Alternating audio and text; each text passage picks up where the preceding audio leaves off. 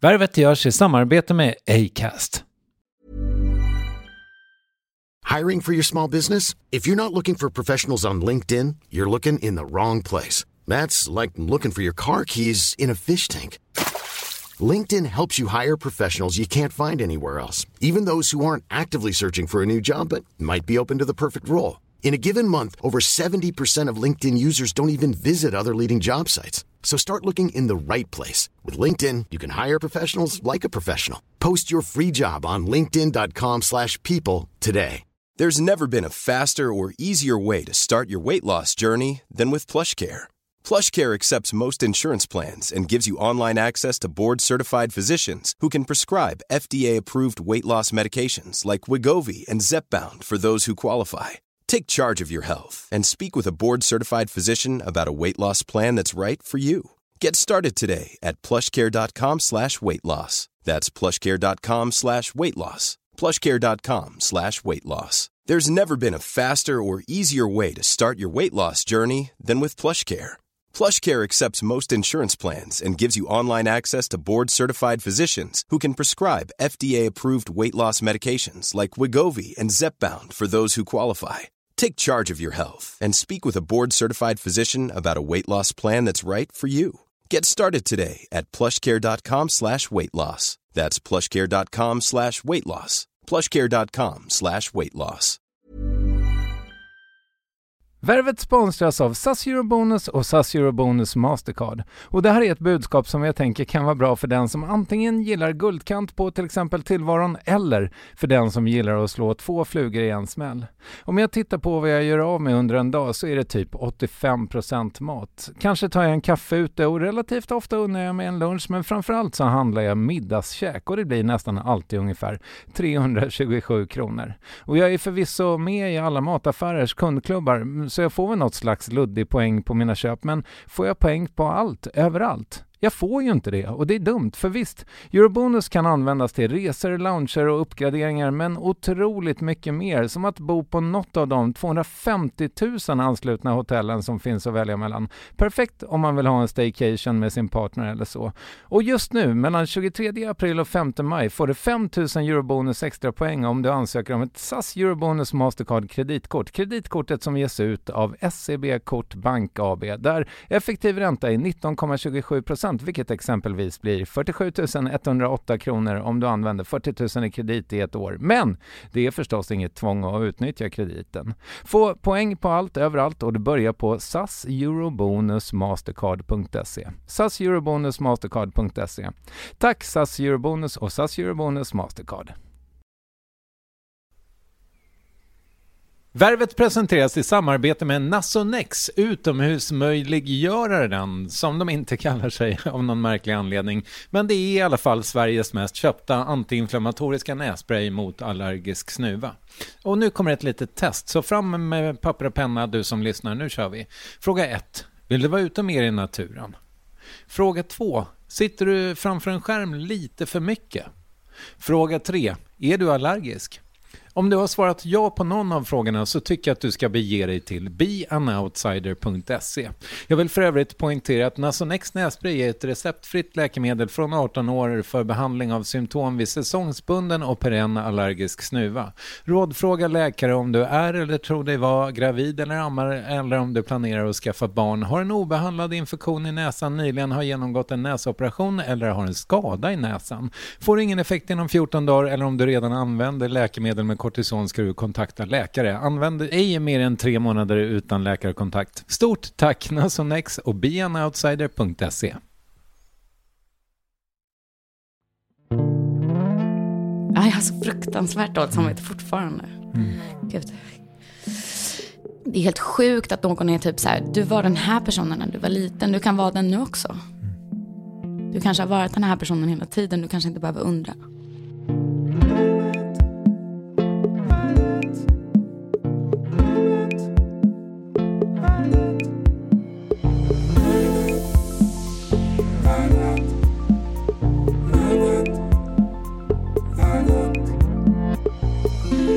När en skådespelare slår igenom på det sätt Hedda Stiernstedt gjorde i vår tid är nu, hela Sveriges favoritserie under flera år, så är det kanske lätt att tänka att allt är klappat och klart. Men har det känts så för huvudpersonen, pun intended, själv?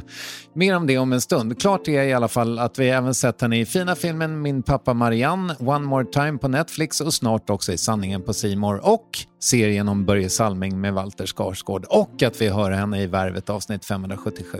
Här är Hedda Stiernstedt.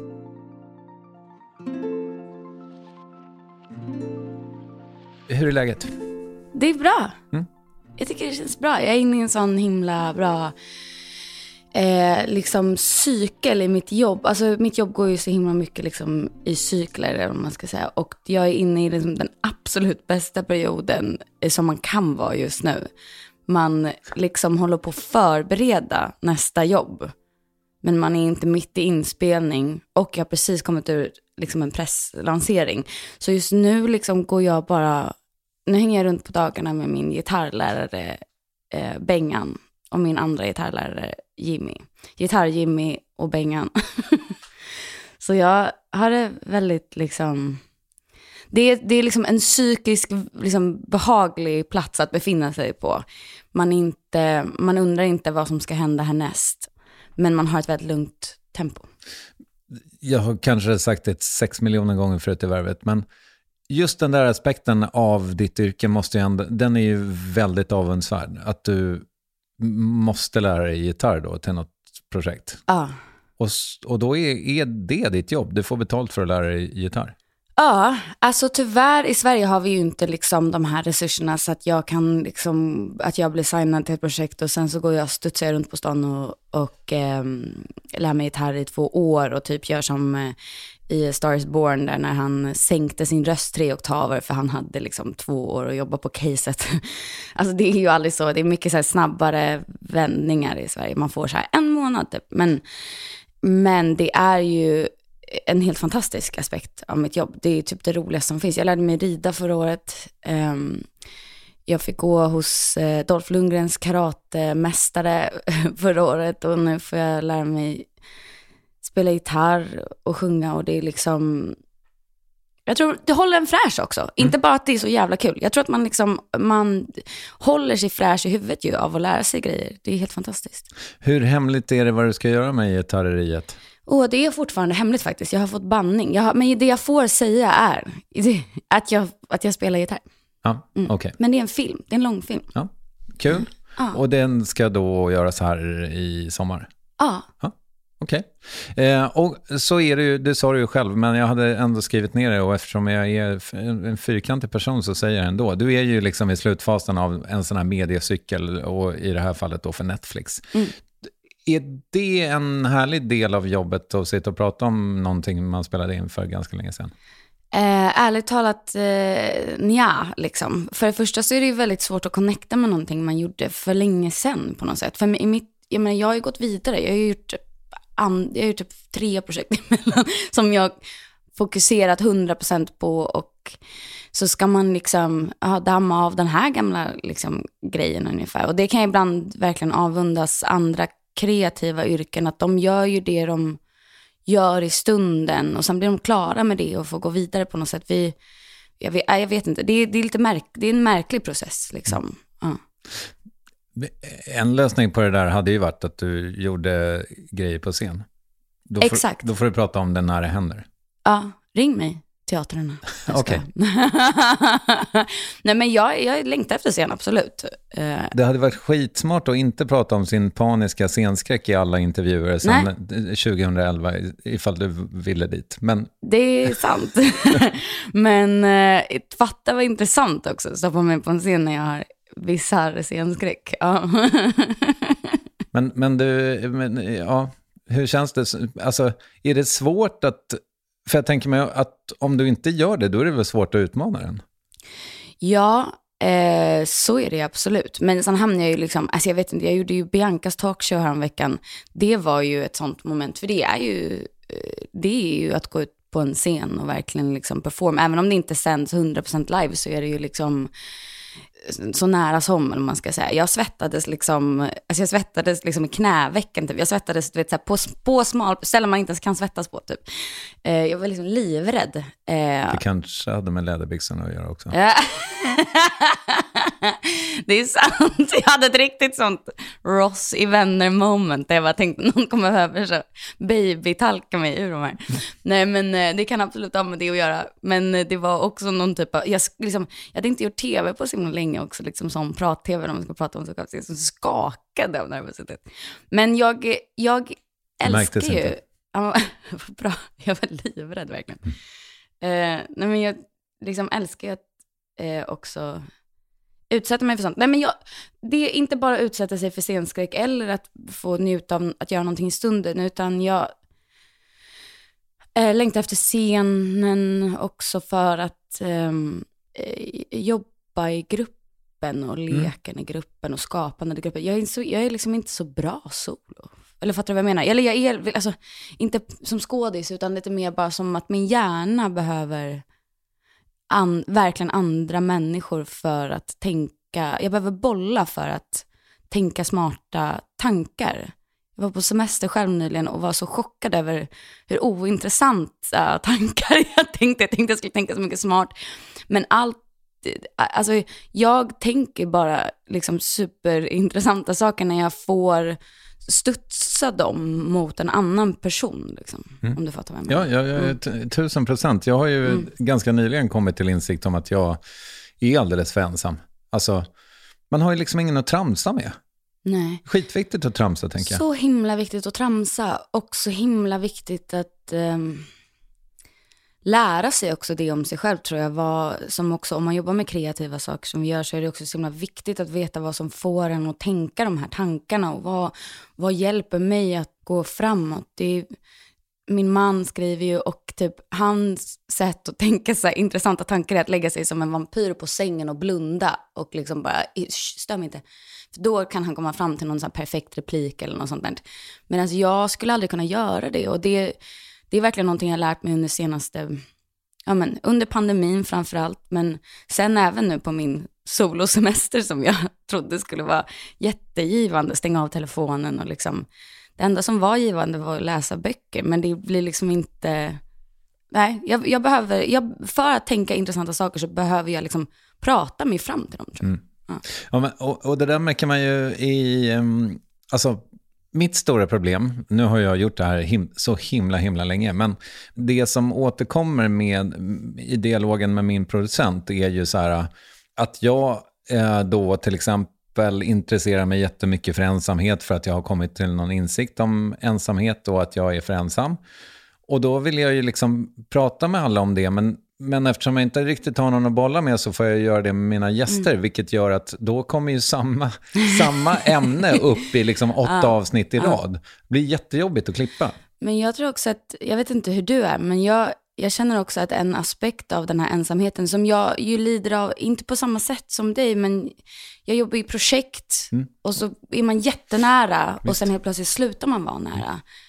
Och att jag satt nyligen eh, i en bil i Toronto och bara så här, det här funkar inte för mig typ. Alltså jag liksom, Var det där du var på ensam semester? Nej, nej.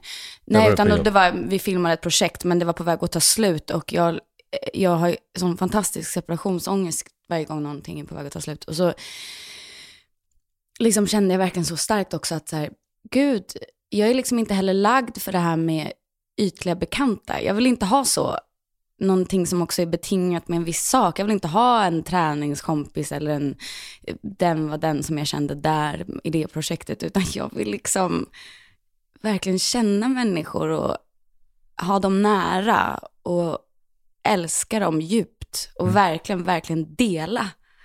Eh, och jag är för känslig typ för det. Jag är liksom mitt, mitt arma stackars hjärta kan inte hantera. Jag behöver alltid så lå. Folk måste så hålla mig i handen när vi håller på, att, liksom, om vi har blivit vänner så måste de säga, nu får du lova mig att det inte bara vara här. Annars dör jag. Fast det, ditt liv måste ju bara vara liksom att vara sommarkatt, så att säga. Ja det är fruktansvärt. Nej men det är liksom, det är ett underbart eh, och fantastiskt liv och jag förundras dagligen över att jag får göra det och fortsätta göra det. Men eh, den aspekten av det liksom, eh, den, den, tar, den tar jättemycket på mig. Jag är liksom, verkligen hade någon sån, jag, kall, jag Walter kallade det för att jag får panikseparationsångest. Mm. Att jag liksom stod och skrek på Walter. Lova, lova att, det här, att vi kommer fortsätta ses. Har ni gjort det? Eh, det har vi faktiskt, men inte alls lika ofta. Det, vi står väldigt mycket om att sms varandra. När, när, när, när, när. Och sen bara panikseparationsångest. Mm. Följdfrågor, eh, mm. tappade kolon. Varför åkte du på semester ensam? Vart åkte du? Och vad gjorde du i Kanada? Eh, jag, jag åkte liksom, jag sku, vi filmade Börje Salming-serien i Kanada. Och sen ah, så hade vi några, en avslutande liksom vecka i Mexiko. Men jag fick lite naturlig paus mellan det här, för att då skulle de filma lite grejer med bara Walter Skarsgård som spelar Börje Salming uppe i Norrland. Um, och eh, då uh, var det som att jag bara, hmm, men jag ska ju ändå till Mexiko jag kanske bara kan skaffa mig ett eget hotell och så får de bara boka om min biljett så att jag liksom är där. Så då var jag där och liksom väntade in dem i två veckor. Mm. Eh, för att jag tänkte så här, det här är väl ett yppligt tillfälle att liksom rensa huvudet lite och ganska in intensivt år förra året för mig också. Jag gjorde fyra olika projekt och så bara landa lite och tänka efter. Ibland måste jag också tänka så här, vad är det jag vill? Vad håller jag på med? Vem är jag? Eh, för saker kan ju bara rulla på liksom. Och så då passade jag liksom på att vänta in dem i samband med jobb då, eller man ska säga. Mm. Och blev bara chockad över hur, eh, hur ointressant det var. Eller förstår, ni, förstår du vad jag menar? När man har så för, det är första gången jag verkligen åker helt solo någonstans och ska vara lite så, kanske yoga, inte dricka en, en endaste drink och liksom bara testa och meditera, se om det är för mig typ. Så har man ju någon idé om att det ska bli så jävla läkande och intressant. Och så är det liksom inte det. Det var som att jag bara, vad fan är det här? Vad fan är det här? Liksom, ville bara, satt, satt och yogade och bara, nej, det går inte. Ja. Så, så det var värdelöst? Nej, alltså jag var ju på en strand i Mexiko. Det finns ju eh, levels till, va? men just eh, det bara cementerade hur otroligt beroende jag är av närhet och ömhet och andra människor. Mm. Jag är verkligen som ett husdjur som behöver liksom bli klappad och pratad med. Så du facetimade hem 24-7? 24-7 typ, ja. Mm. Och bara så här, Kommer ni snart till de andra? De bara, ja, ja, tyst. ja, jag förstår. Ja, det låter inte kul. Eh, ja, men då, jag fick svar på alla tre frågorna. Mm. Det var jättesnyggt. Men, men eh, det, det, är ju lite intressant det här, tänker jag, med så här att, ja, nu får du sitta och prata om något gammalt då, men mm. du är ju liksom aktuell. Är det här med aktuell, mm. är det liksom en valuta för dig Spelar det roll för dig att vara det? Tänker du att folk kommer glömma bort dig och så? Men det är klart att det, det finns en aspekt, alltså det, det, den, det är klart att den tanken har passerat i ens huvud, men det man också förstår med att helt plötsligt vara aktuell igen, typ. Alltså nu är jag här för andra gången i värvet och eh, jag kanske liksom, jag, jag är inne på andra vändan av, av, eh, av vissa grejer jag vet inte, ju äldre man blir desto liksom mer förstår man ju också att det liksom inte, alltså man, utan att låta för eh, eh töntig, eller vad man ska säga, men man förstår ju vad som liksom också spelar roll mm. och vad man vill göra och så vidare. Och att det här är liksom en aspekt av jobbet och att det står i direkt relation till jobbet på något sätt. Och att man märker ju verkligen så här, ah, nu är jag aktuell med någonting och vad det får för liksom, avtryck och också kanske hur vissa personer behandlar en eller liksom, ah, i PR-sammanhang och man, man fattar på något sätt. Men man, man kan också på något sätt vara lite så här, det, det är ju det som följer med att jobba och det jag helst av allt vill göra är att jobba. Mm. Och det bra som kan komma med det är ju att man får jobba mer. Men det kan ju också vara så att man blir överexponerad och folk är så här, har vi inte sett för mycket av henne nu på ett tag? Och då, det är därför också jag pratar om cykler, för det som kan komma direkt på det här är så här, ja men nu har vi ju sett, alltså någon producent som bara, du vet, får någon känsla och bara så här, nej, nu vill vi inte se mer av henne typ. Mm. Men på samma sätt så är det ju en valuta för mig i jobbet att kunna vara så här, jo men vi tror hon säljer biobiljetter eller vi tror att folk vill knappa in, knappa in och trycka på hennes face liksom. Alltså, mm. Men det, alltså, och, och också på något sätt, har man gjort allting en gång på något sätt så är man också mycket lugnare andra vändan. Och så är man så här, och man fattar just det här med att så här, aha, just det, det var, i första gången tänkte jag hela tiden så här, det kommer försvinna imorgon, det kommer försvinna imorgon, allt det här, så här roliga som jag vill göra, det kommer ta slut. Och nu kanske man börjar känna lite mer så här, jag kan ju också påverka det, jag kan göra så, saker för att det inte ska ta slut, jag vill bara jobba mer. Mm. Liksom. Och att så här, ja, nu kanske det kommer komma en lugnare period ett tag. Mm. Och då måste jag bara försöka vara avslappnad i det och vara så här, yes, jag tog mig ur det förra gången. Liksom. men, men är du likadan med sociala medier då? För där är det ju, alltså där tänker jag mig att det ännu mer är någon Alltså, eller jag tror många har någon slags ångest, jag har det själv tror jag, om att så här, åh, herregud, nu har jag inte postat en story på tre veckor. Supermycket ångest och att jag också känner att här, jag vet inte ens vem den här Instagram Hedda Stiernstedt är. Typ. Jag känner inte att den reflekterar mig. Men jag, vill också, jag vet inte heller vem jag ska vara där. Förstår du vad jag menar? Mm. Jag tycker också man flackar jättemycket mellan man så här, men herregud, nu kanske, nu har man varit på Netflix, då kanske det är massa som inte pratar svenska som har börjat följa en. Ska skriva på engelska, men det känns för mer typ. Och så har de, alltså jag, vet inte, jag, jag, jag känner att jag liksom flackar jättemycket i så här, vad, jag, jag, är liksom in, jag känner ingen naturlig relation till det där på något sätt. Och ibland kan jag titta på den och bara, vem fan är den här personen? Folk måste ju få helt sinnessjuk bild av mig om de bara rattar in på min Instagram. Liksom. För att jag också inte lägger upp något privat, liksom, riktigt, utan det är bara massa fina bilderna när man har suttit i smink i 70 år och liksom blivit påklädd av någon och så här. Det reflekterar ju inte min vardag på något sätt, men det är stressande. Mm. Absolut. Och, men för där är det ju liksom, du är ju väldigt fashion i, i sociala medier så att säga, eller på Instagram. Jag vet mm. inte hur du sköter det i de inte andra Inte till vardags. Det, det, det, det, får, det vet ju inte jag. Nej, nej, men, nej, men min, jag får ju den bilden av dig, ja. att du är i Paris var tredje vecka ja. och sitter på front row på någon Hermes-visning. Ja, eh, men det gör jag ju verkligen inte. Och det, men det är intressant ju för att det är ju det som det, jag i slutändan lägger upp. Och sen så, eh, det är just därför jag också ibland kan känna mig disconnected från min egen sociala media så att säga, som bara, jag har bara en och det är Instagram. Och det är att jag, jag, jag själv undrar, vem fan är det här? liksom, när sanningen är att jag sitter hemma och spelar eh, Hogwarts Legacy i mjukisar. eh, för att jag också kanske, jag vet inte, det här är väl ingen bra liksom, marknadsföring för min Instagram, men jag har lite svårt att vara privat där på något sätt. Att jag, jag, jag känner att här, jag second guessar väldigt, väldigt mycket där. Liksom, om, i, i vad, och då blir det lättast att ta bara en pressbild. Någon tog en bild på en, okej, okay, då lägger jag ut den. Mm. Förstår du vad jag menar?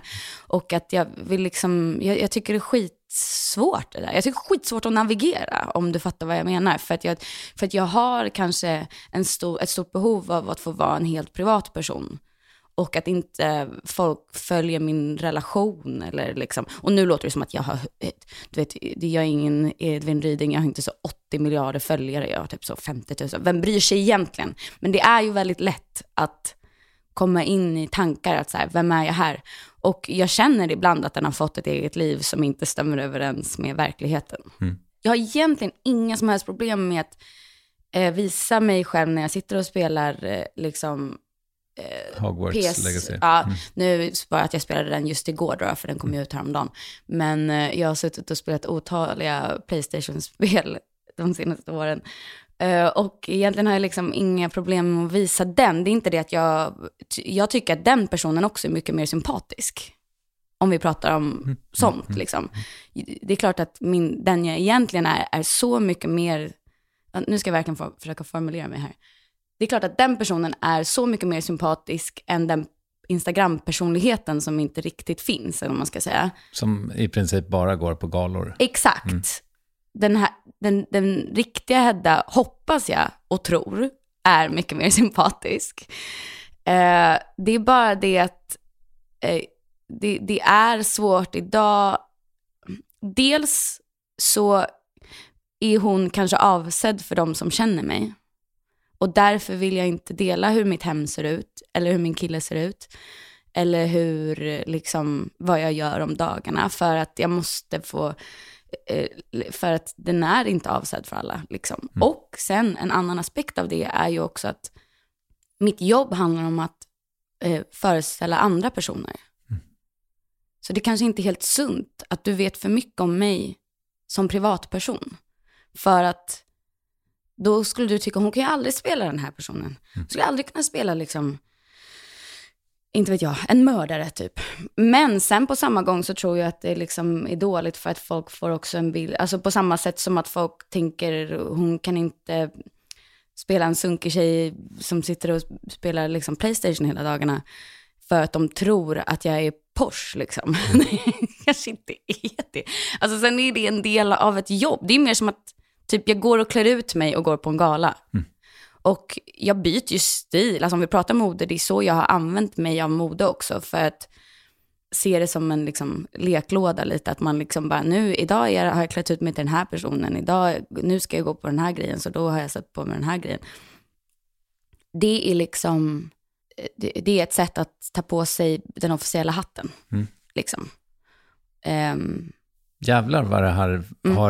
Ja, men vad du har tänkt på det här märker jag. Jag har tänkt på det här jättemycket. Mm. Uh, men för att jag så, det har liksom kliat i tummen att bara radera den här jävla appen. Och sen så liksom vet jag inte, vad behövs i mitt yrke? Vad, för det är det enda man vill, alltså det roligaste jag vet på planeten är att jobba. Jag vill aldrig inte jobba, jag vill bara jobba, jobba, jobba, jobba, jobba. Och jag tror att liksom allting, man, man un, jag tänker jättemycket på det för jag undrar vad som understöder mitt jobb och vad som inte gör det. Ja, just det. Mm. Ja. Det, tycker jag, det är också en intressant tanke som jag liksom också har känt av lite, liksom var en av mina närmsta vänner som eh, liksom någon gång inte hade bjudit med mig till sitt landställe. Och så tog jag jätteilla upp för att jag Eh, är ju också sådär otroligt eh, rädd, jag har så mycket separationsångest och rädd för att bli lämnad. Så jag tänkte nu är jag utanför, så jag liksom tar upp sånt också. Så gillar jag liksom att ta upp saker i stunden. Så jag frågade varför, varför fick inte jag komma? Och då sa hon så här, men det där är inte sånt som du gillar. Vad fan pratar du om liksom? Jag är uppvuxen med två liksom proggare. Vi hade inte råd att göra någonting. Alltså det enda vi gjorde var liksom att eh, typ så här, tälta någonstans eller liksom ligga på något hår. Alltså, vet, och det gör jag fortfarande. Jag och min man hyr liksom ett torp på Gotland av en liten gumma varje sommar. Och där finns det bara utedass, inget el, inget vatten. Man kan knappt vända sig om i köket. Eh, vi liksom... Eh, vi, bo, vi, sover i en våningssäng, för det är det som finns i det lilla torpet. Liksom. Mm. Och så trycker vi in, in oss på underslafen. Liksom. Det, det är ju den jag egentligen är. Och då blir jag superförolämpad när till och med mina närmsta har blivit så påverkad av den här icke-sanna verkligheten eller den väldigt, väldigt kurerade Den otroligt kurerade, eller bara den som har råkat blivit. Den är inte ens kurerad, den är inte ens liksom medvetet kurerad, utan det är bara den som har råkat bli och fått sitt eget liv och blivit på det sättet, för det var det enklaste valet. Mm. Förstår du vad jag menar? Mm. Så till och med mina närmsta blir påverkade av det. Och det är ju en intressant, liksom, det var ju också ett wake-up call på något sätt, att man måste på något sätt till och med fortsätta informera sina närmsta om vem man egentligen är. Man är ju en person, eh, liksom innerst inne är någon typ av barfota hippie som vill bo med mm. utedass. Liksom. Mm. Alltså, den här andra personen är inte sann. Liksom. Och det har, det har hänt flera gånger. En annan kompis också som, när jag, pass, jag passar en hund ibland, och då var han så här, jag kan inte tänka mig dig med en hund. Varför det? Plocka bajs. Så jag var som så här, va? Jag förstår ingenting liksom. Och då, det, då måste man på något sätt förstå att allt det där påverka folks bild av en. Men det här är då min disclaimer till, det är inte jag. Nej, skojar. Nej, men, men eh, och sen, alltså, då kanske det är läge för dig och ja, det, det, det kanske inte är lösning på problemet, men, men den där gröna eh, stories-grejen, Ja, du vet, yes. det kanske är någonting för dig. Ja, man kanske ha, ha, har en annan också. Du kanske Ett har annat det. konto kanske. Du kanske har.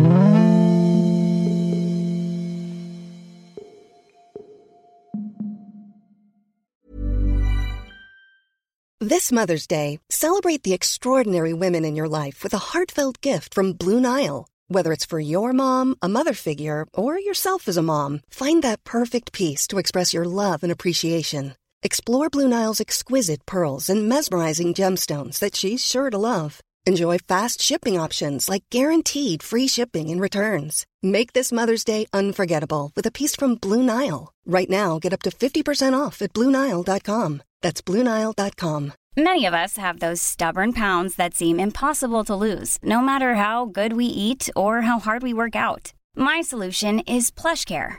PlushCare is a leading telehealth provider with doctors who are there for you day and night to partner with you in your weight loss journey. They can prescribe FDA-approved weight loss medications like Wagovi and Zepbound for those who qualify. Plus, they accept most insurance plans. To get started, visit plushcare.com slash weight loss. That's plushcare.com slash weight loss. Hey, it's Paige DeSorbo from Giggly Squad. High quality fashion without the price tag. Say hello to Quince. I'm snagging high-end essentials like cozy cashmere sweaters, sleek leather jackets, fine jewelry, and so much more. With Quince being 50 to 80% less than similar brands. And they partner with factories that prioritize safe, ethical, and responsible manufacturing. I love that. Luxury quality within reach. Go to quince.com slash style to get free shipping and 365 day returns on your next order. Quince.com slash style. Du, eh, nu sa du i en passus att du eh, i själva verket har eh, tvivlat på din existens i sex månader. Har du gjort det? Kanske inte just de senaste, faktiskt det senaste året ha, har jag varit så upptagen att jag slipper göra det. Men det, innan dess så gjorde jag det absolut. Under pandemin var jag väldigt deprimerad. Mm. Väldigt, väldigt deprimerad. Det var ju som en, um, don't mention the war, men det är liksom lite, vår tid nu tog upp väldigt mycket av mitt liv i fyra år. Och jag är väldigt glad att jag, jag vill bara lägga in det, jag är väldigt glad att jag får gå vidare, att jag får vara något annat och att, mm, att jag jobbar vidare så att säga. Men apropå kära ordet cykel, så var det ju verkligen så att folk var tvungna att få en liksom, liten detox från mig ett tag för att vår tid nu blev så stort som det blev. Och då sammanföll det exakt med eh, pandemin. Mm. Jag tror sista avsnittet av Vår tid är nu sändes liksom årsskiftet där 2019 och pandemin kom liksom två månader senare eller vad det var. Ja, det. Mm. Och eh, det var, det var en kris, absolut.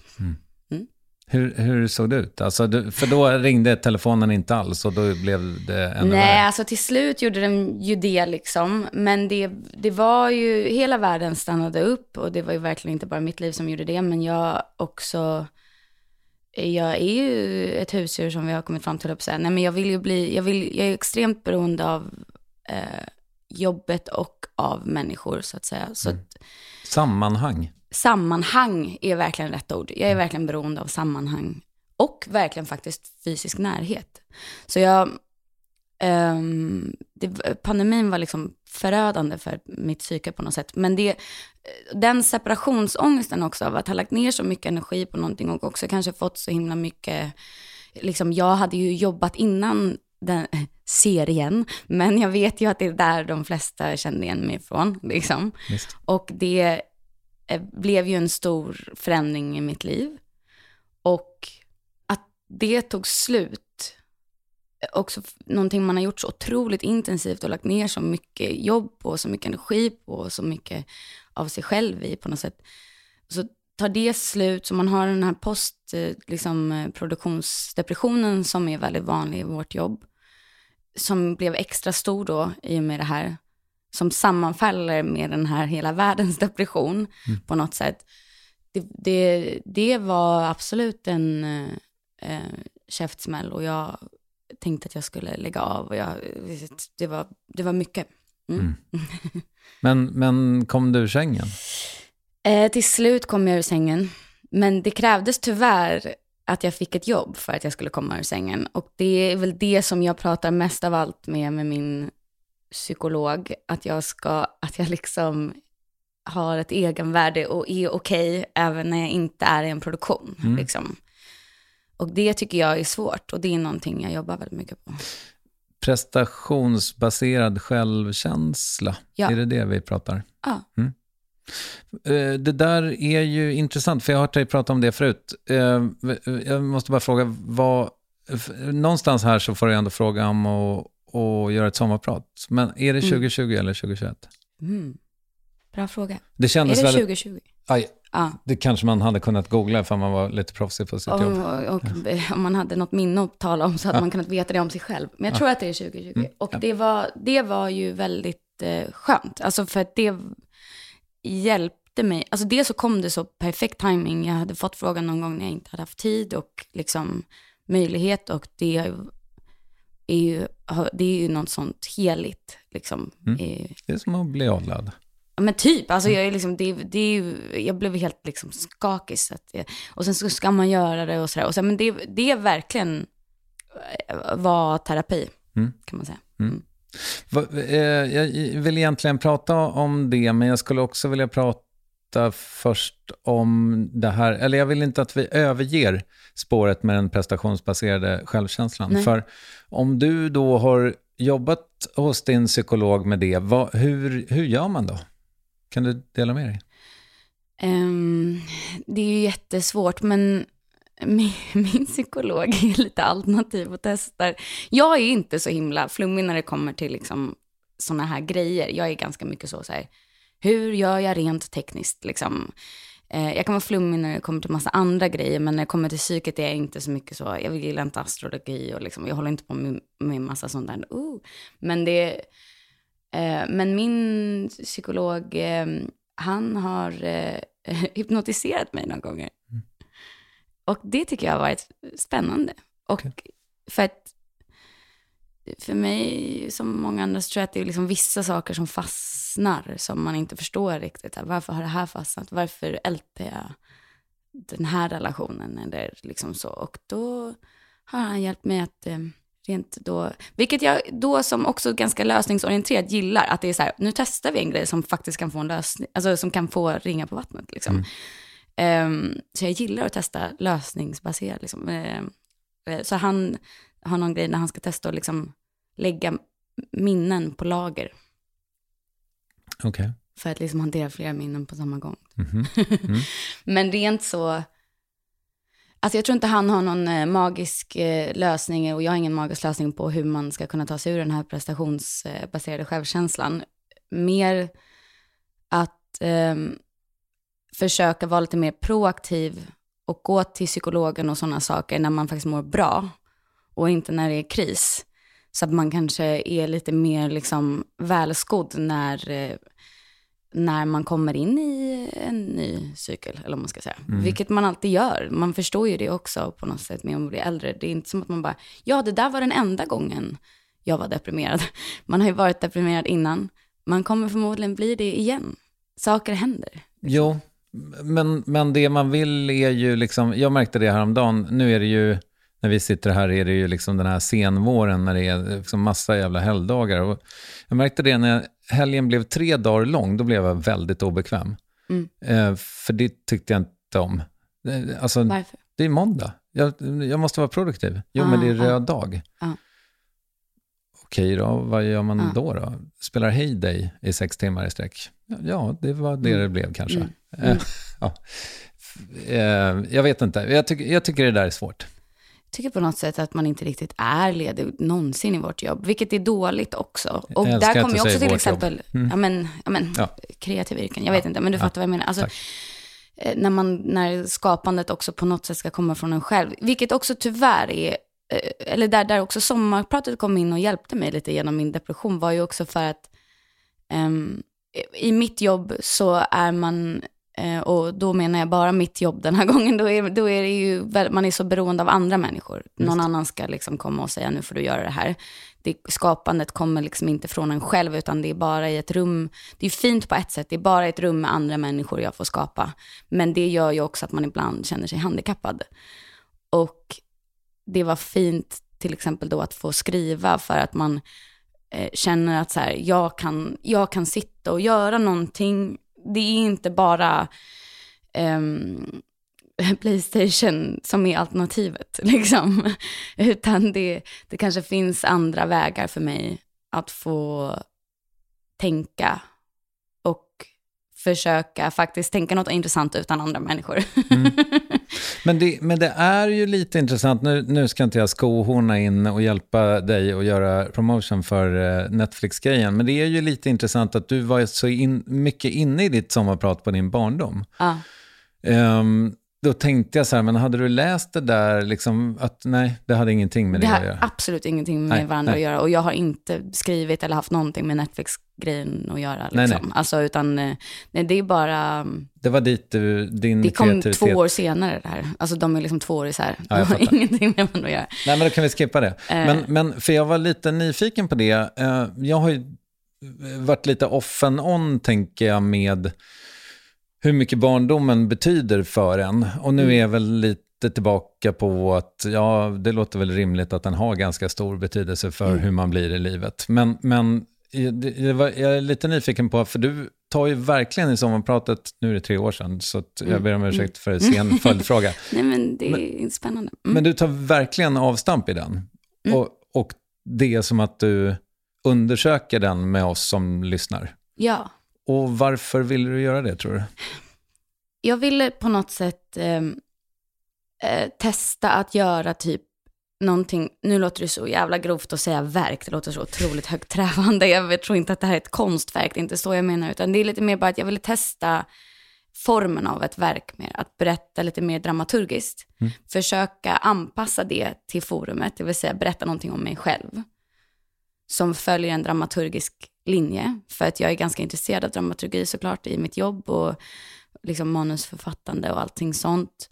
Så jag ville testa att skriva någonting som, som liksom följde formen men ändå inte. Och kanske inte välja någonting som handlade om typ ett trauma. Det känns som att alla förväntar sig. Och viss, liksom den, någon kritik var också så här, har det inte hänt henne någonting typ? Och man bara, jo det har hänt fruktansvärda saker. Jag bara valde att inte berätta dem för dig mm. i det här forumet. Mm. Utan det jag ville var att kanske också inte framställa mig själv i världens bästa dagar. Eller spela på en liten fiol och klaga på allt jobbigt som har hänt mig. Liksom. Utan jag valde att för på något sätt välja bort det. Och sen så kan man kanske ana i någon undertext, jag liksom hintar om vissa grejer, men vissa grejer hintar jag inte ens om. Liksom. Men jag ville säga någonting om just den här äh, ångesten av att vara en person typ och att man letar efter vem man är hela livet. Mm. Och göra det under en dramaturgi liksom. Så därför valde jag just det här brevet jag fick eh, av min barndomsvän Anna. Mm. Det är en dagboksanteckning från den veckan vi började i första klass. 1994.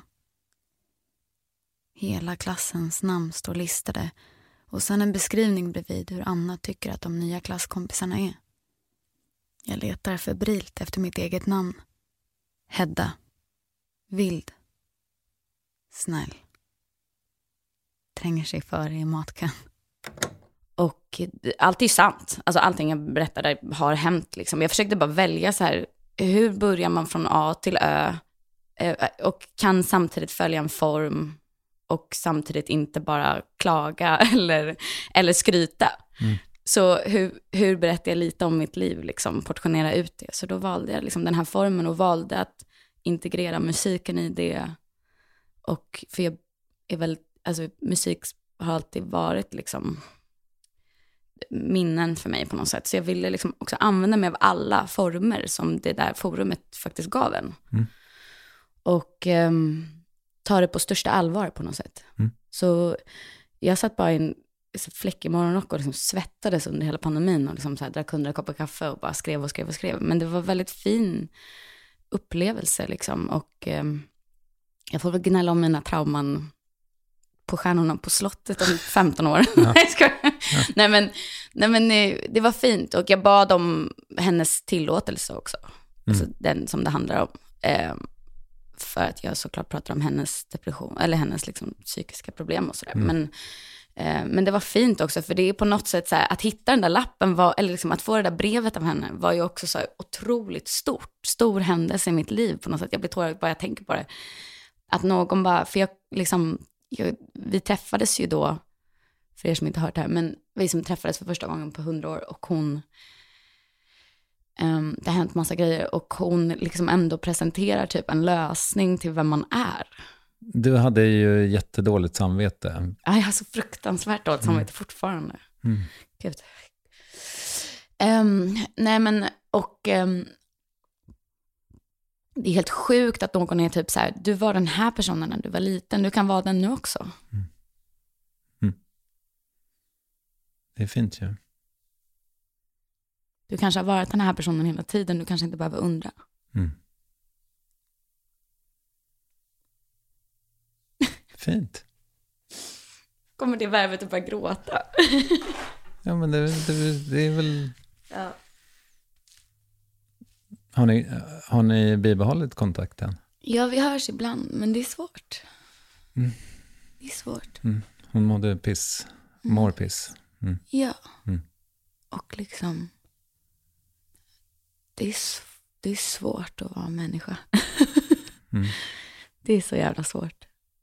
Och jag tror att det var på något sätt kanske det jag ville skriva om. Liksom. Det är svårt för alla och att man vet inte liksom vem man är. Sen så är det så himla, också så här, att tänka sig jättemycket på vem man är. Jag förstår också att det är en sån himla så här, bortskämd medelklassgrej. Typ så, om man kämpar varje dag för brödfödan så har man inte tid att tänka på vem man är på något sätt. Men att på något sätt var det som att jag också ville inte heller tänka på vem jag var. Förstår du vad jag menar? Och också att så här, jag hoppas det var underförstått att jag har inte bara surfat genom livet. Alltså, jag har liksom också jobbat hela tiden och jobbat liksom inom service. Jag, jobbar, alltså, jag, eh, jag, jag bara liksom inte eh, redogjorde för varje instans i livet, utan jag ville liksom på något sätt så här, att viss ångest släpper inte. Liksom. Mm. Och man hakar också upp, tror jag, jag är lite så, just som min psykolog också hjälper mig med, med att liksom lagra minnen ovanpå varandra med hypnos och sånt där. Det är också för att jag hakar upp väldigt mycket på en sak, liksom, på ett minne och kan gå och liksom tänka på det vad jag än gör på något sätt. Och att mycket i mitt liv kanske handlar om liksom, en flykt från mig själv. Eh, surprise, surprise, är skådis och liksom behöver på något sätt dels kanske fylla ett tomrum, men också att man liksom får gå in i saker så helhjärtat att du får glömma dig själv. Mm. Det är det jag söker också i mitt jobb. Jag vill inte vara mig själv alla gånger. Liksom. Inte för att jag är en hemsk person, shoutout till min psykolog, mm. eh, utan för att eh, det är så jävla jobbigt att vara en människa på något sätt. Alltså, så att, att få vara andra ett tag är ju helt fantastiskt. Och också, framförallt inte bara det att så här, låtsas vara någon annan, för det är inte riktigt det jag gör. Utan framförallt bara att få gå så helhjärtat in i någonting att så här, när en scen funkar, då glömmer jag på riktigt bort mig själv. Mm. För att jag är bara i stunden. Och jag är aldrig det annars. Alltså jag önskar att jag kunde vara en sån person som kan meditera, som kan sitta på en strand i Mexiko och inte komma hem och böla om att det var tråkigt i värvet, liksom. Utan jag förstår att det är privilegierat och jag förstår att det är bortskämt. Men det är någonting med att jag liksom kan inte släppa jaget. Mm. Men jag kan göra det när jag jobbar. Det är därför jag vill göra det hela tiden. Och det jag tyckte var så jävla, jävla elegant av dig, eller fint och naket och kanske bland det ärligare jag har hört i det där forumet, det var ju just det här att du har en fråga som du så gärna vill ställa, och, men du mår piss för att den är så självisk. Att mm, var, mm. var det mitt fel? Mm. och det tycker jag var så himla, det är så mänskligt, Mm. tänker jag. Mm. Att man så här, ja men du har gått och ältat det där i 20 år liksom. Mm. Och ifrågasatt om jag liksom, varje gång man ifrågasätter om man är typ en dålig person och så kanske det där dyker upp. Eller förstår du vad jag menar? Och Mm, flera visst. saker dyker upp. Det, är inte, det här är bara en av 70 miljarder historier liksom, eh, som jag har och har varit med om. Det här är inte min enda. Jag valde bara den här för jag tyckte på något sätt att jag kunde anpassa den efter forumet, berätta någonting om dig själv. Mm. Liksom. Mm. Från A till Ö. Liksom. Och då, ehm, så varje gång man ifrågasätter sin existens eller vem man är eller har jag varit en dålig person, har jag skadat någon och så vidare, då är ju det här en av de sakerna som har dykt upp. Liksom. Mm. Och att man måste på något sätt förstå att så här, jag har inte den makten förmodligen. Alltså jag kan ha varit en bidragande faktor i någons liv och vi har makt över varandra. Men man måste också vara så jävla ödmjuk inför att så här, det, det, kan, det är också helt bisarrt. Vi ska ses och istället för att liksom bara prata om henne eller liksom ta hand om henne så måste jag ändå få vara så här självisk att fråga vad är mitt fel. Liksom. Visst. Mm. Men du, jag tänker det här med skam är ju, jag har jobbat jättemycket med skam också. Och, och gått och ältat gammalt skit och sådär. Men jag tänker mig också att skam har en väldigt, väldigt, väldigt stark liksom, funktion på något sätt. För att hade man ansträngt sig lika mycket för man inte skämdes så in i helvete för allting? Jag vet inte. Jag tycker det är skitsvårt. Bra fråga. Alltså, jag önskar ibland att jag var mer skamlös. Jag hade kunnat använda den här jävla typ, sociala medien till exempel till att tjäna mer pengar om jag var mer skamlös. Alltså, jag hade nog varit rikare om jag var mer skamlös. Liksom. Men jag, eh, jag tror skam också kan hjälpa en att typ, försöka vara en vettig person. Eller hur? Mm. Och att man liksom försöker ändå kämpa vidare med att behandla andra människor väl och typ vara snäll. Mm. Och skam är liksom dålig när man börjar älta saker och ältar så här, borde jag gjort det där projektet, jag ångrar mig, jag har, jag har förstört min karriär nu för att jag, och jag skäms så himla mycket över det här. Eller liksom, förstår? Det, det är inte bra att älta, men, men däremot skam är ju absolut ett verktyg för att vara en bättre person som Mm. jag hoppas att man ändå i grund och botten strävar mot att vara. Liksom. Mm. Men, men är det den, för då lät det som stora grejer. Jag, menar, jag, jag tänker mig nog kanske framförallt att min skam, ja i och för sig vissa grejer som jag har gjort också som jag fann, som är riktigt, alltså när jag har behandlat människor illa liksom. Mm. Men också kanske, du vet, att man, alltså för mitt stora problem är väl att jag alltid säger all, alldeles för mycket. Mm. Och kanske hellre är rolig och att det råkar bli på någon annans bekostnad än att jag Mm. inte säger någonting alls. Jag, jag är också, jag pratar ju också, jag, jag är också en nervös eh, pratare liksom. jag, jag säger för mycket och absolut, ehm, jag tror därför jag också har vaktat mig själv väldigt mycket när det kommer till liksom, med det. Alltså jag tror att jag också börjat på något sätt bli bekväm med att göra intervjuer och förstå vad jag kan säga som liksom är helt okej att säga. Och, alltså, I början vaktade jag mig så him, himla mycket för att jag var rädd också för att lämna ut andra. Mm. Och att jag nu känner att jag kan navigera det där och bara berätta faktiskt mycket om mig själv. Mm. Och mina tankar utan att råka liksom kasta någon under bussen på vägen på något sätt. Men i början var jag så rädd att liksom det här pratandet också skulle leda till att jag liksom har fuckat upp för alla mina nära och kära. Liksom. För de är ju inte involverade i det här på något sätt. Och det är väl kanske därför också mina sociala medier ser ut som de gör. För att jag liksom inte vill hänga ut andra heller. Förstår du vad jag menar? Också, jag vill liksom inte, ja, jag vill inte att de ska råka åka med Mm. I det här tåget på något sätt. För jag har valt det, men det har inte de. Och då, då tror jag liksom att, eh, men gud, jag är typisk sån som vaknar upp och bara, vad fan sa jag igår? Vad fan sa jag? Alltså, Och sen, jag vill bara säga det, jag ville säga det förut också, om man är jättenyfiken på hur din kille ser ut så kan man ju bara googla honom också. det är jättelätt. jag, bara, jag bara delar inte hur det ser ut så mycket när vi är tillsammans. Nej. Eller vad, hur våra kaffekoppar ser ut. typ. Eller du fattar vad jag menar. Och speaking of which, får jag bara pausa i en och en halv minut och sätta på mer? Kaffe? Ja. Vill du ha kaffe, kaffe? Vill du ha mer? Ja. ja. Då kanske det tar lite mer än en och en halv. Eller jag kan ta snabbkaffe om du har det. Förlåt Nini. Ja, jag har decaf. Ja. ja, men det låter i och för sig skitbra.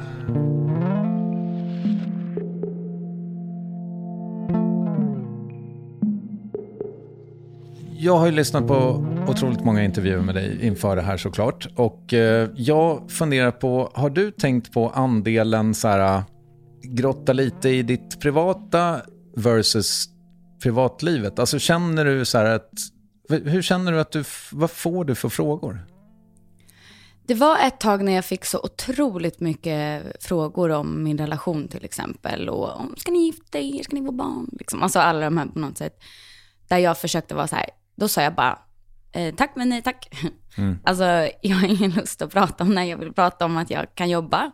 Eh, förhoppningsvis har något att ge i den avdelningen. Eh, jag ville liksom verkligen rikta fokus dit. Och tyckte att det gick rätt bra faktiskt. Och kände att så här, jag är liksom inte intressant att prata, det är liksom inte intressant för mig att prata om mitt bröllop eller vad jag liksom hade på mig där eller vem som var bjuden eller inte bjuden. Alltså, förstår man? Alltså, alla sådana saker tar liksom bort från, eh, är jag bra på att jobba eller inte liksom. Och eh, jag vill att fokus ska ligga på det. Så här, är jag, eh, är jag duktig, liksom. Typ, att folk får liksom bedöma det istället för typ så, vad den klänningen hon hade på sitt bröllop fin. Alltså jag vill liksom inte, um, jag vill liksom inte, ä- även om jag skulle någon gång i framtiden ehm, prata om mitt bröllop, jag vet inte, alltså det var ett tag där som det var så otroligt mycket fokus på liksom de grejerna. Men man märker rätt snabbt tycker jag också att det är ganska lätt att avstyra det och så kan man bara säga så här, nej men det vill inte jag prata om. Och då helt plötsligt så behöver man inte ha en publikrelation. Alltså det, man inser också att så här, oj, det är så många, när, när man vet saker om folks relation och sånt, då kommer ju det från den personen själv. I Sverige har vi ingen kultur av att någon läcker info på samma sätt, eller man blir inte förföljd av paparazzis, utan så här, jaha, alla svenska så kändisar, typ, om man vet något om dem så kommer ju det från hästens mun oftast liksom. Eh, Så att jag, man kan ju bara eh, liksom dodga det. Men absolut, jag tyckte att ett tag var det väl fokus på sådana saker som är väldigt ointressant för mig på något sätt. Det här är ju mer spännande att prata om psykologi eller liksom, jag vet inte, vad, barndomsminne. Alla, alla sådana saker är ju liksom, och det här är ju det forumet om man ska säga. Men, eh, och jag vet också att det är sådana grejer vi kommer prata om liksom, när jag kommer hit på något sätt. Medan jag kan tycka att det var helt bisarrt att så här, man gör en intervju med någon stor dagstidning om ett projekt, alltså på en liksom pressdag för ett projekt man har gjort.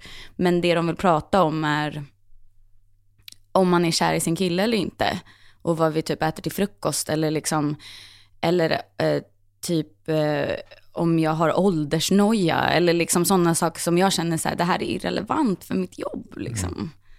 Kan vi inte prata om jobbet? Åldersnojan går ju för sig att trycka in lite grann i yrket, tänker jag mig. Absolut. Eftersom, mm. Jo, jo, men, och det är väl en spännande as- aspekt till om vi pratar om det i yrkes, liksom, men det, där kom det alltid på något sätt i relation till vår tid nu, att så här, känner du åldersnoja? Alltså du vet, så här, för att jag skulle spela yngre och äldre och lalla. Och att liksom, typ det var någon gång som, ja, i ett sammanhang där jag kände att det blev någon konstig rubrik, där jag kände att så här, nu framstår det som att jag bryr mig om de här, bryr mig om de här grejerna liksom.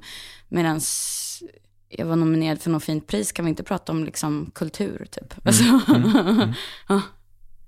Ja, nej men för det är ju, eh, sen har jag funderat den här vändan över hur mycket du har fått prata om att gråta på film. Det verkar Ja. folk vara väldigt fascinerade av. ja. Men, men Men det, det tycker jag är mer roligt, alltså för då kan jag ju prata om så här, tekniker och sånt som jag liksom älskar att Ja. liksom prata om. och då, då Ja. kan de lyssna på eh, när Edvin och Johanna eh, intervjuar dig, så Ja. behöver inte vi prata om det. Men, men det jag eh, snarare är fascinerad av med skådespelare, det är ju att skratta naturligt efter 24 tagningar. Liksom, det tänker jag borde vara rimligen svårare att få det att kännas naturligt. Eller? Är det lätt efter 24 tagningar? Gud, det har jag faktiskt aldrig ens tänkt på. Det absolut svåraste tycker jag är ilska. Okej. Mm. För att um, det är ju liksom en reaktion, det är bara en reaktion på något sätt. Det, det, kommer, det är liksom inte så här, du upplever inte den på samma sätt. Alltså jag tycker också att det är så himla svårt. Jag har ingen aning om, liksom, jag ilska är bara att studsa i liksom, och den kommer, för mig är det också så, den kommer och sen så bara, äh, så skriker man i två sekunder och sen är den borta. Alltså för dig privat? Privat. Mm. Jag, jag liksom mm. kan inte hålla fast vid den känslan. Och därför kan jag inte analysera den, jag kan inte vrida och vända på den. Jag har liksom aldrig plockat upp den och liksom tittat på den, när de ska säga, för jag minns den inte sekunden den är borta. Mm. Utan då övergår min mm. ilska alltid i sorg. Mm.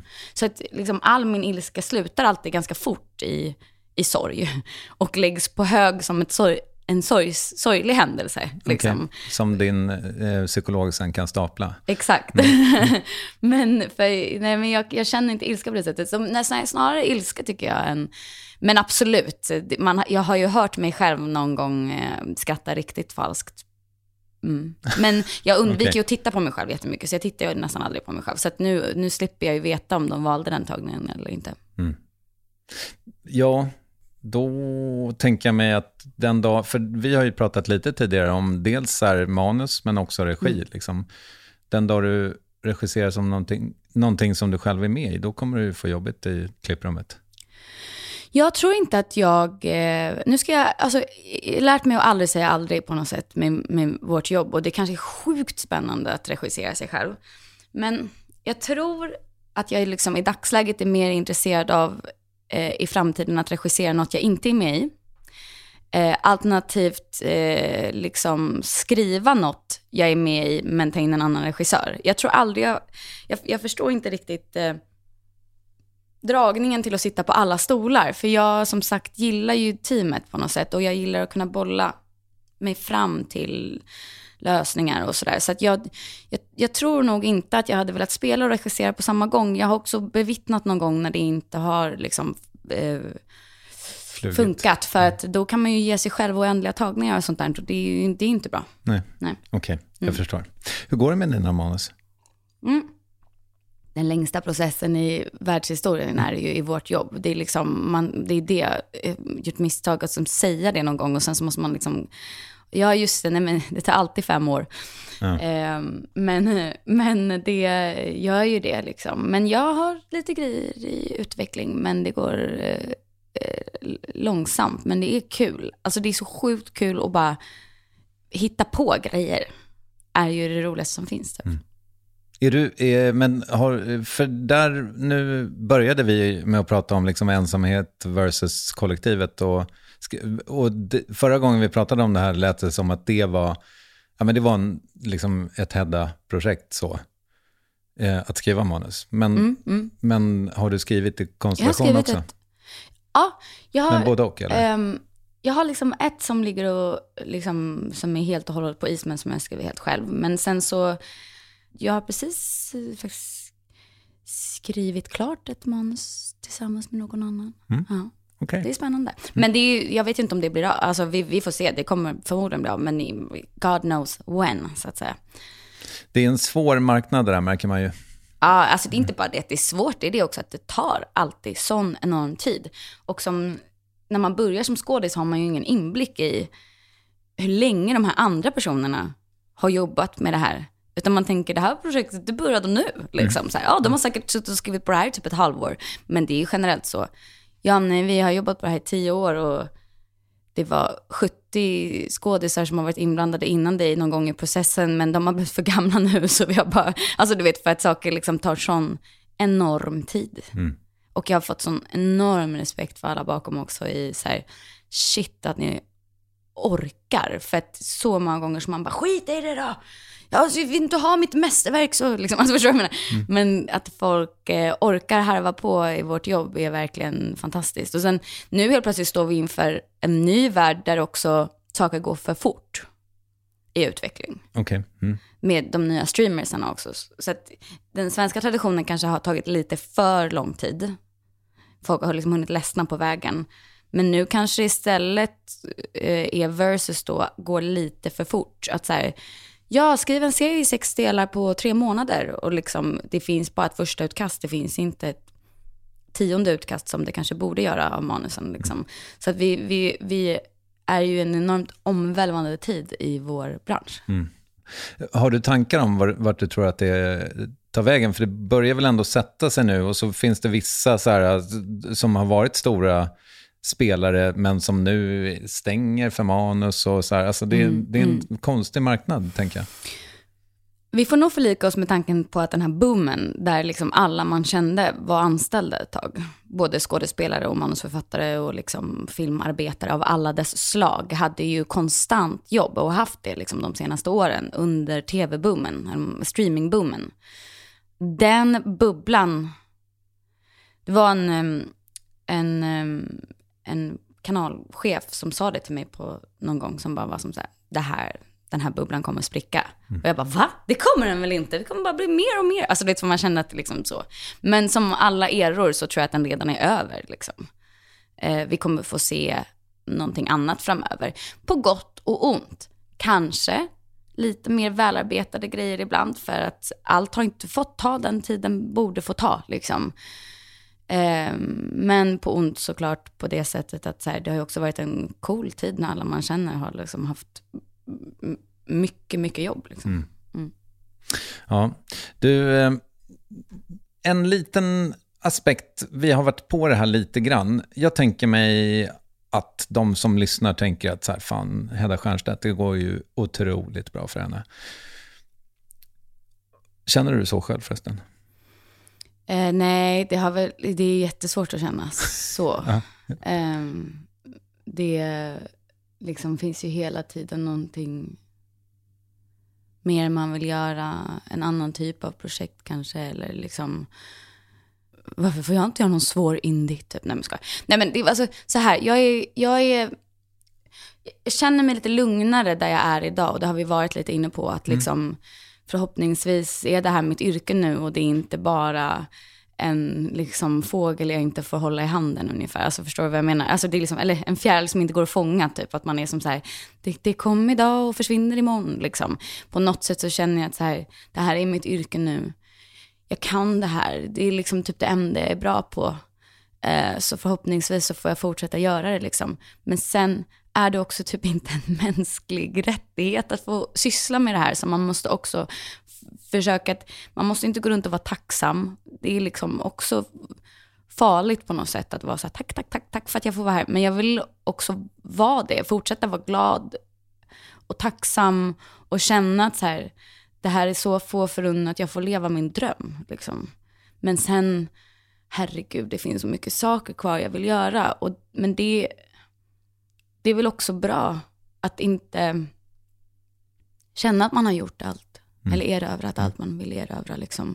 Att det finns saker kvar. Men det finns absolut eh, andra saker jag vill göra. Och liksom, ja, nu kanske jag har gjort en grej ett tag nu och nu vill jag liksom gå vidare i nästa fas. Och få mogna på ett annat sätt kanske. Eller sådär. Men det är klart att, eh, gud, vem sitter och bara, fan vad bra det går hörni. Alltså då är man ju galen, eller? Sen har jag varit inne i en väldigt produktiv period. Alltså ja. jag, jag, har gjort jättemycket senaste året. Mm. Men jag menar, det är ju aldrig som det ser ut, eller man ska säga. Fast också självklart, jag har jobbat jättemycket och ja, det är så, svår fråga. Är det, eh, för att slutföra min fråga då egentligen, ja. är, så tänker jag mig att även om vi då ser mycket av dig och det känns som att det går bra, så tänker jag mig, får du fortfarande nej liksom? Ja, mm. det kommer aldrig sluta vara så tror nej, jag. Nej. Det finns självklart jobb jag liksom, oh, som jag hade dött för. Men är inte det också typ det coolaste som finns? Att liksom jag fortfarande känner så starkt för något att jag liksom på riktigt kanske hade kunnat hugga av mig ett finger för att få göra det projektet och sen fick jag inte det. Och så är det en sorg som jag måste bearbeta. Alltså, jag, brinn, jag brinner så mycket för något. Tänk vad fett att få vara typ en vuxen människa och bry sig lika mycket som man brydde sig om typ sin första kärlek när man var 14. Typ. Så känner jag fortfarande för mitt jobb. Att jag, liksom, jag går igenom en sorg när jag inte får göra det jag vill göra. Liksom. Jag vill något så mycket. Mm fan vilken ynnest att få vilja något. Men sen absolut, det är fruktansvärt att få nej. Det är ju, en, eh, apropå det här med prestationsbaserad självkänsla, så är du ju i en jävla pissbransch.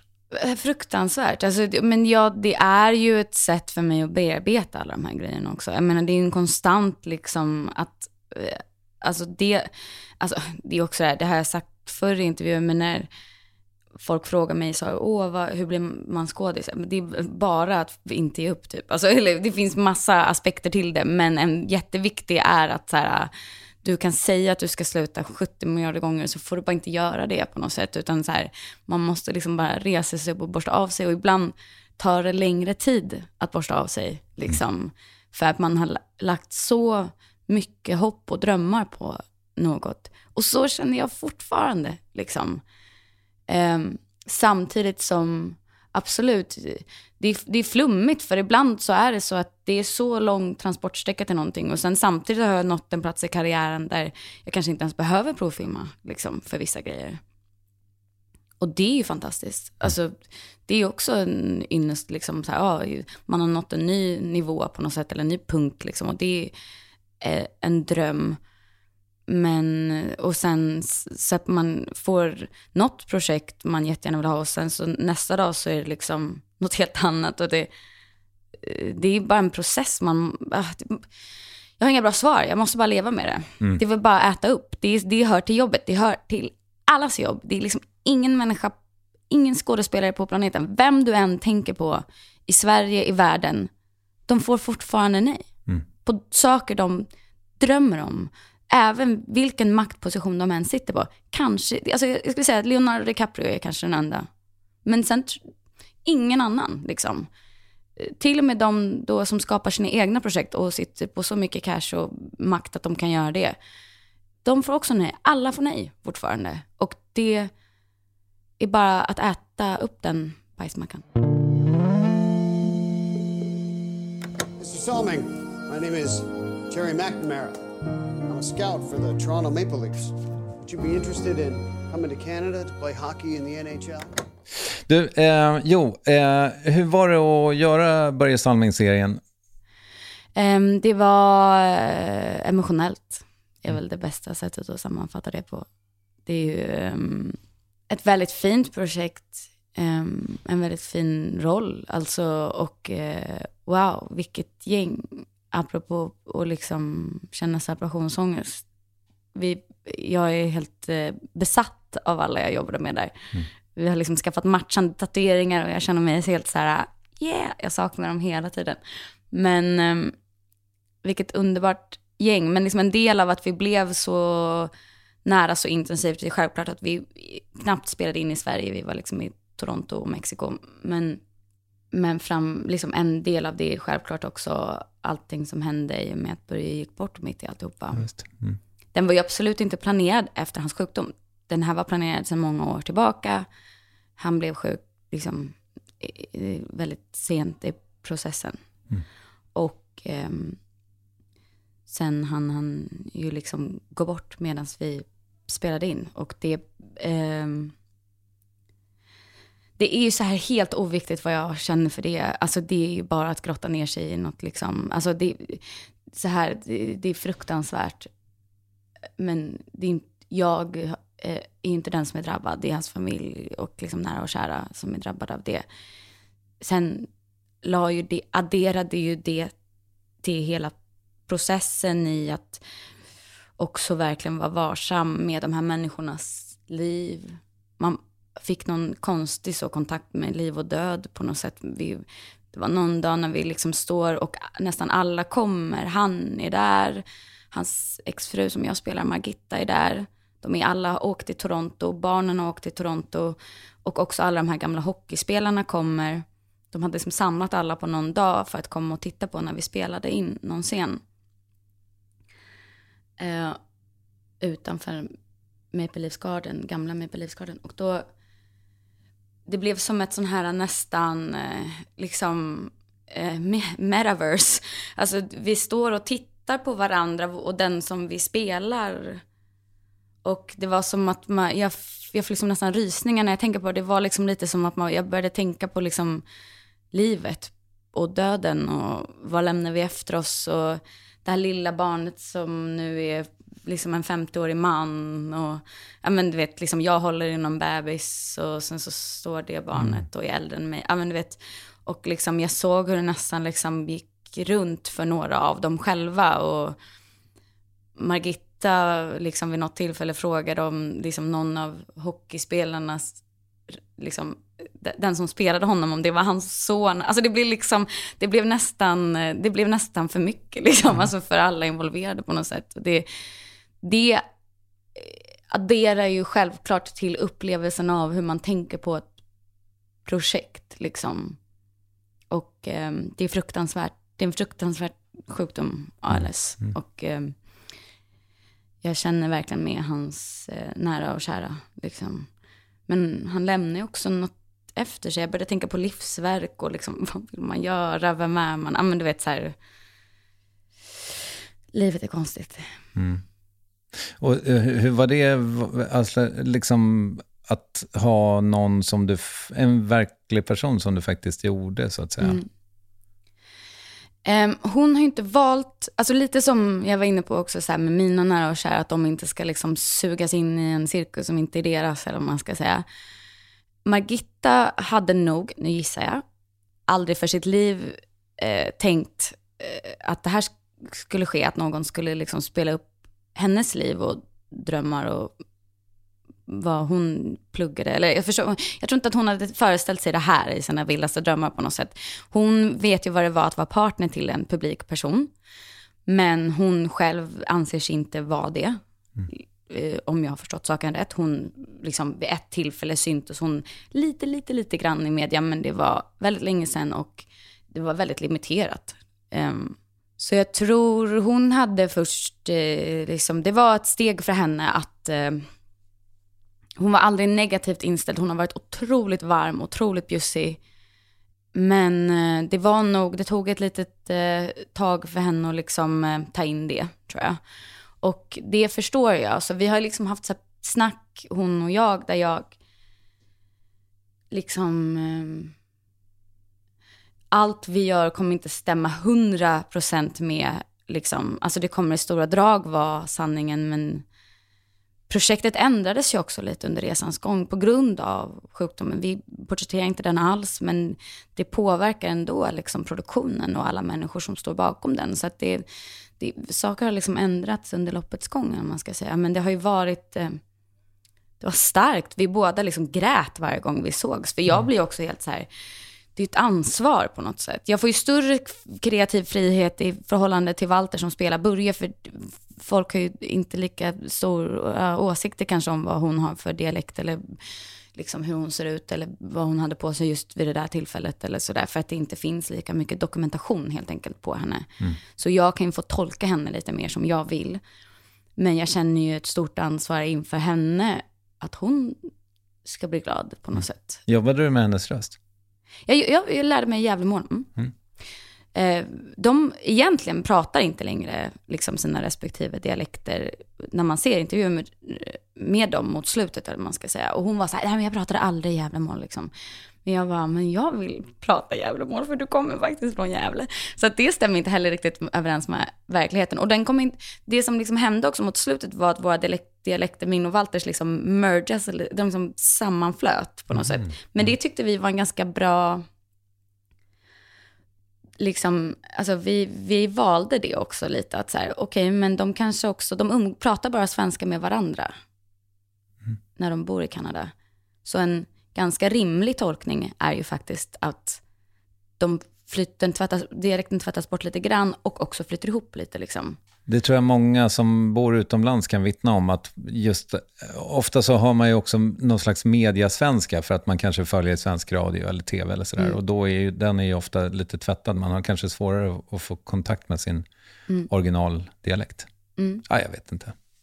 Men eh, innan du går vill jag bara att vi ska eh, prata om en elefant i rummet. Mm. Och det var ju att du, eh, jag lyssnade precis på vår förra intervju. Ah. Det var väl inget fel på den, fast du tyckte inte att det blev något bra. Har du jag sagt. Jag minns inte att jag... det jag sa var att jag... Eh, det var någonting när vi pratade om utseende som jag kände mig lite så här ah, ställd. Att, jag, att det kändes som att du ville att jag skulle utvärdera mitt eget utseende på något sätt eh, i förhållande till någonting som Lena Endre hade sagt och jag känner mig väl eh, Alltså det, då kände jag lite så här, varför pratar vi om det och inte jobbet typ. Men också att det kändes som att jag skulle så här, på något sätt så här, utvärdera mitt eget utseende och jag blir alltid jätte jättestressad när det händer för på något sätt så ehm, eh, är det väldigt, jag är väldigt tudelad där liksom och har eh, kämpat mycket med att tycka att jag är bra och, och, och är fin som jag är. Och därför blir jag väldigt stressad när den frågan dyker upp, för på något objektivt sätt kan man väl liksom Alltså jag, vet, alltså jag, jag, blir jättestressad. Jag vet inte hur andra ser mig och jag vet bara hur jag själv ser mig. Och sen vet ju jag hur jag kan se ut på en jättefixad bild och vara nöjd med det. Men jag vet inte om jag tycker att själv att den bilden stämmer överens med verkligheten. Mm. På samma sätt som med min sociala medier. Jag ser inte ut så, det där är inte mitt liv. Alltså förstår du vad jag menar? Det är liksom, mm. Eh, det, det, jag, jag, jag, det är någonting jag har kämpat med. Så det tyckte jag väl kanske var en jobbig liksom, och du, du kanske landade lite så här, äh, men kom igen nu, nu kan vi prata. Lena kunde prata om det ungefär. Och, och det stressade mig lite. Mm. Men sen tror jag också att det var att um, du... Eh, Vänta, kan du hålla den tanken ja. så får jag bara svara. Ja. För att eh, jag eh, lyssnade på det snacket nu och jag tyckte verkligen att det var intressant utifrån det du sa. Jag hade klippt dig ifall du inte hade haft väldigt ja. liksom, solida tankar om det. Ja. Men det kändes som att just eh, bakgrunden var att jag relativt nyligen hade intervjuat Le Lena Endre och hon hade sagt att hon tyckte hon har tyckt att det varit så jävla jobbigt att, att vara snygg, om man ska mm. säga det enkelt. Hon är också så jävla snygg. Jag känner inte att jag kan ja, relatera med det. Ja, mm. Nu gör ju du saker värre för henne. Det är skittaskigt. Nej, nej, nej. Ja, nej jag, alltså, jag bara tänker att jag inte lider av hennes, eh, alltså bördan hon har behövt bära i typ att vara så här, kanske en av världens snyggaste personer. Typ. Eller förstår du vad jag menar? Ja. ja Anyhow, jag, mm. jag kommer inte gå i någon fälla nej, och, nej, och recensera någons utseende. Men, eh, och Jo, och hon hade tyckt att det varit jobbigt. Är det för att jag är bra eller för att jag är snygg jag får jobben? Mm, mm, mm och mm. eh, då pratade du om att eh, du vill förhålla dig fri till ditt utseende. Ja. Och, och det, det var så bra snack. Mm. Så det är klart att du överlevde klippningen. Ah, nej, men alltså, jag tyckte mm. att det blev ett bra snack. Och jag ska säga så här, jag är inte, jag, jag, jag menar det är alltid eh, en av de liksom bästa intervjun, alltså det, eh, liksom, jag har gjort så mycket intervjuer, eller förstår vad jag menar, och det här är ändå en av de mest intressanta samtal man kan ha, liksom på något sätt, att komma hit. Så det är verkligen inte som att jag bara, det eh, blev dåligt. Det var bara det att eh, just den frågan hade jag väldigt så här, svårt att ta in på något sätt. Och, så här, men jag tycker vi landade i någonting bra som just handlar om att så här, mitt yrke, hand, det är därför jag inte tittar på mig själv, för att jag måste förhålla mig fri till att inte tycka att jag är ful eller fin eller bra på olika sätt, eller man ska säga, utan jag måste bara vara ett verktyg för en känsla. Yeah.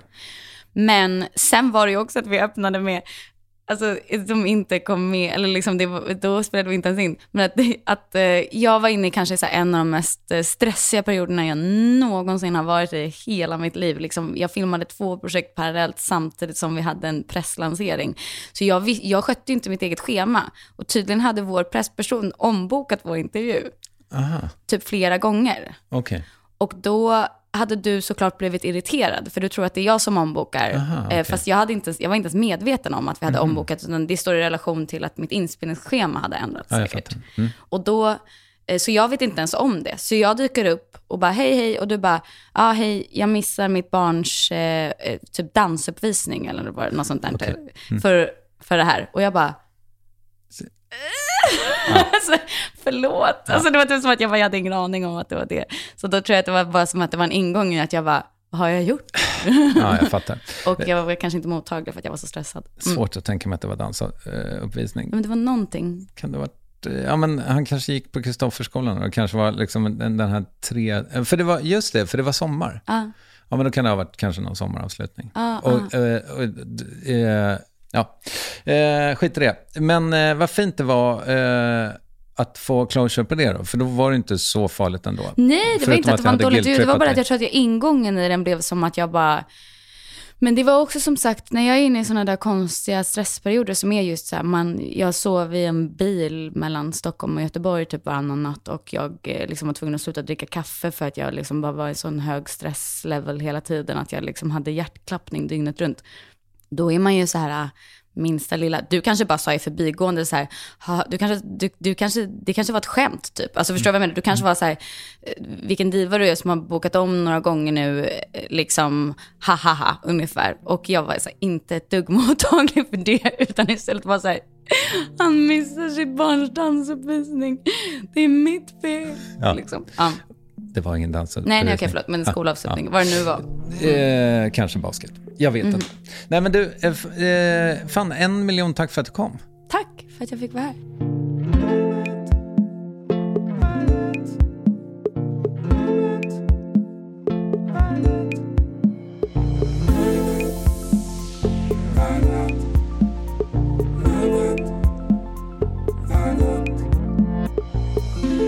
Ja, Hedda Stiernstedt, hon är faktiskt självlysande på film. Se något med henne nu, till exempel Uppvärvning. Ni som vet, ni vet var ni hittar det.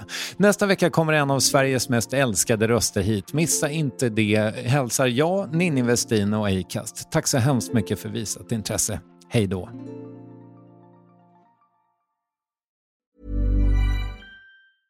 Imagine the softest sheets you've ever felt. Now imagine them getting even softer over time. That's what you'll feel with Bowl and Branch's organic cotton sheets. In a recent customer survey, 96% replied that Bowl and Branch sheets get softer with every wash. Start getting your best night's sleep in these sheets that get softer and softer for years to come. Try their sheets with a 30-night guarantee. Plus, get 15% off your first order at bowlandbranch.com. Code BUTTERY. Exclusions apply. See site for details. Hi, I'm Daniel, founder of Pretty Litter. Cats and cat owners deserve better than any old-fashioned litter. That's why I teamed up with scientists and veterinarians to create Pretty Litter. Its innovative crystal formula has superior odor control and weighs up to 80% less than clay litter. Pretty Litter even monitors health by changing colors to help detect early signs of potential illness. It's the world's smartest kitty litter. Go to prettylitter.com and use code ACAST for 20% off your first order and a free cat toy. Terms and conditions apply. See site for details. Planning for your next trip? Elevate your travel style with Quince. Quince has all the jet setting essentials you'll want for your next getaway, like European linen, premium luggage options, buttery soft Italian leather bags, and so much more and is all priced at 50 to 80% less than similar brands. Plus, Quince only works with factories that use safe and ethical manufacturing practices. Pack your bags with high-quality essentials you'll be wearing for vacations to come with Quince. Go to quince.com/pack for free shipping and 365-day returns.